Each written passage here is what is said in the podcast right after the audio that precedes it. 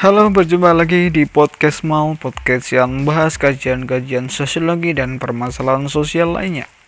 Kali ini kita akan membicarakan mengenai perspektif sosiologi. Nah,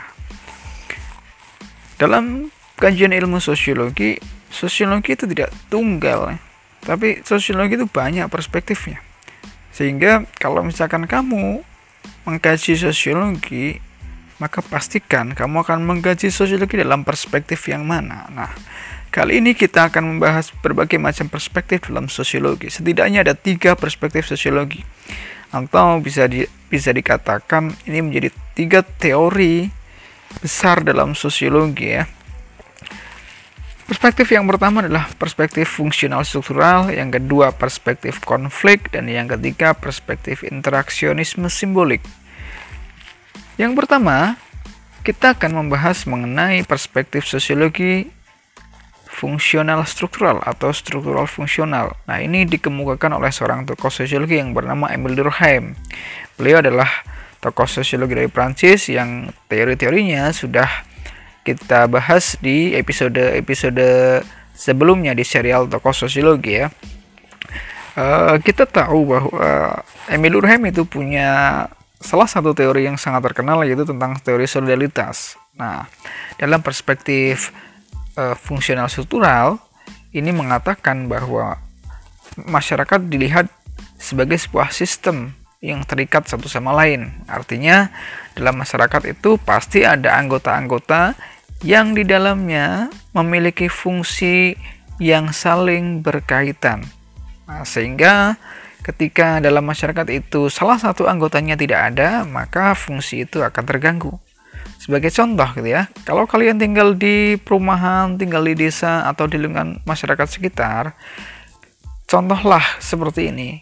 Di situ ada RT, ada warga, nah mungkin ada seksi keamanan, ada seksi kebersihan. Nah, empat bidang ini sangat terikat satu sama lain. Karena apa? Karena mempunyai fungsi yang berbeda, yang fungsi itu adalah berkaitan satu sama lain.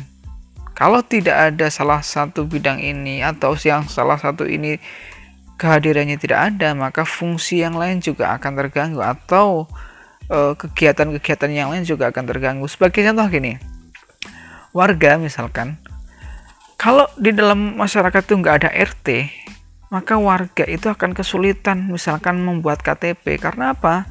Karena salah satu syarat membuat KTP harus ada pengantar RT. Nah, ketika kebetulan RT pada saat itu tidak ada, maka aktivitas warga untuk membuat KTP akan terganggu. Karena apa? Ya tidak ada yang bisa membuat surat pengantar RT karena RT nggak ada. Nah, gitu. Begitu juga misalkan RT mau membuat kegiatan e, ronda malam atau siskampling yang dibutuhkan RT siapa? Ya seksi keamanan. Kalau seksi keamanan nggak ada RT akan kesulitan dalam membentuk misalkan kelompok ronda menjaga keamanan dan lain sebagainya. Sehingga dalam perspektif fungsional struktural setiap masyarakat atau di dalam masyarakat itu memiliki kelompok-kelompok atau individu-individu yang mempunyai fungsi yang saling berkaitan. Dan jika e, fungsi salah satunya bermasalah, maka fungsi yang lainnya pun juga akan bermasalah.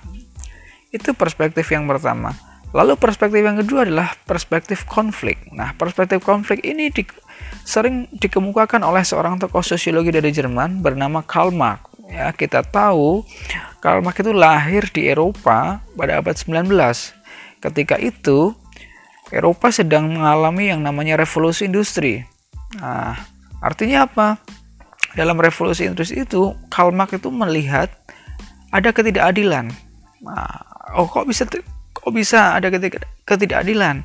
Ya pada saat itu Karl Marx melihat bahwa di Eropa ketika terjadi revolusi industri industri masyarakat kemudian terbagi menjadi dua kelas ya seperti teori kelas yang sudah dikemukakan uh, yang saya saya jelaskan di episode sebelumnya bahwa dalam masyarakat ada dua kelas yaitu kelas berjuis dan kelas proletar. Kelas berjuis adalah kelas pemilik modal, pemilik alat produksi. Nah, gampangnya alat produksi apa ya? Misalkan eh, alat-alat pabrik dan lain-lain. Sementara kelas yang satunya lagi adalah kelas proletar yaitu kelas buruh.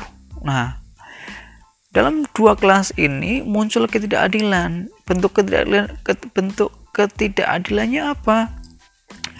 Buruh atau kelas proletar itu sering kali mendapatkan upah yang tidak sesuai dengan kerjanya. Sementara borjuis menikmati hasil kerja dari buruh. Nah, akhirnya terjadi ketidakadilan dan ketidakadilan itulah yang kemudian menyebabkan terjadinya konflik maka kemudian Karl Marx punya cita-cita, punya gagasan untuk menghapus kelas-kelas sosial. Sehingga apa? Sehingga tidak lagi terjadi ketidakadilan. Itu perspektif konflik. Sementara yang ketiga dari perspektif sosiologi adalah perspektif inter interaksionisme simbolik. Nah, tokoh yang terkenalnya adalah Max Weber gitu ya dengan teori tindakan. Nah, kita tahu bahwa dalam masyarakat gitu kita saling berinteraksi gitu ya. Nah, kadang dalam berinteraksi itu pasti memakai simbol. Nah, dalam te dalam perspektif interaksionisme simbolik ini adalah bahwa sosiologi itu dalam berinteraksi harus memahami makna dari simbol itu. Nah, bahwa dalam berinteraksi kita harus memahami simbol-simbol yang dipakai seseorang dalam berinteraksi. Nah, sebagai contoh gitu ya. Ah, sorry, saya jelaskan dulu apa itu simbol gitu ya. Simbol itu adalah tanda yang kemudian mempunyai makna gitu ya. Atau sesuatu yang mempunyai makna. Contohnya apa? Berupa apa simbol itu? Bisa berupa bahasa, bisa berupa gestur tubuh, bisa berupa eh, apa ya rambu lalu lintas misalkan ya. Bisa berupa handphone lah contohnya atau produk lah seperti itu. Itu simbol seseorang itu sering kali memakai simbol dalam berinteraksi. Nah, sosiologi itu dalam perspektif ini menjelaskan atau ingin mengetahui makna dari simbol-simbol itu. Sebagai contoh gini, uh, kamu misalkan tanya pada temanmu, kamu sudah mengerjakan PR belum? Misalkan temanmu nggak perlu jawab, tapi cuma menggelengkan kepala, kamu kan pasti ngerti. Berarti anak itu belum mengerjakan PR nah gitu. Selain itu simbol tadi apalagi contohnya ya misalkan smartphone handphone gitu ya. Misalkan ada dua temanmu punya handphone yang satu harganya 2 juta yang satu harganya 10 juta. Nah kira-kira kenapa? Kenapa kok yang satu punya uh, smartphone 10 juta yang satu harga smartphone-nya cuma 2 juta.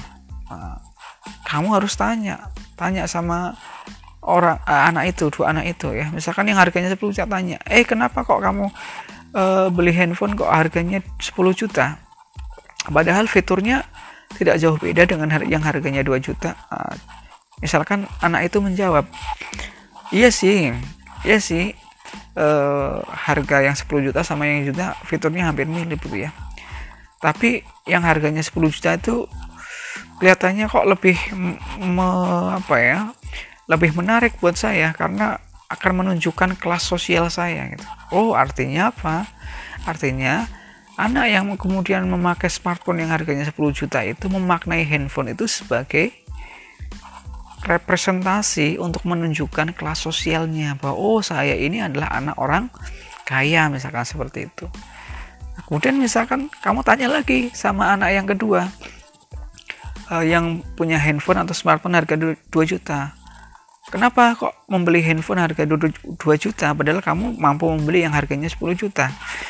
Misalkan anak itu menjawab, ya kan ini handphone gitu ya, harga 2 juta sama 10 juta itu fungsinya sama, sehingga saya memilih harga 2 juta karena punya fungsi yang yang saya pikir sama saja sesuai dengan apa yang saya butuhkan dibandingkan kalau saya membeli yang 10 juta yang lebih mahal. Oh, berarti Maknanya bahwa anak ini tidak menggunakan handphone sebagai simbol status sosial, tapi melihat melihat handphone itu secara fungsi saja. Nah, kira-kira seperti itu, ya.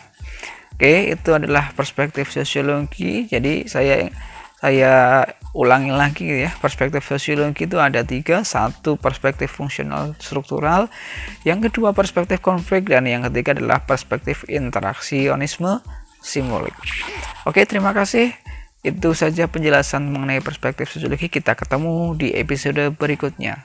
Terima kasih.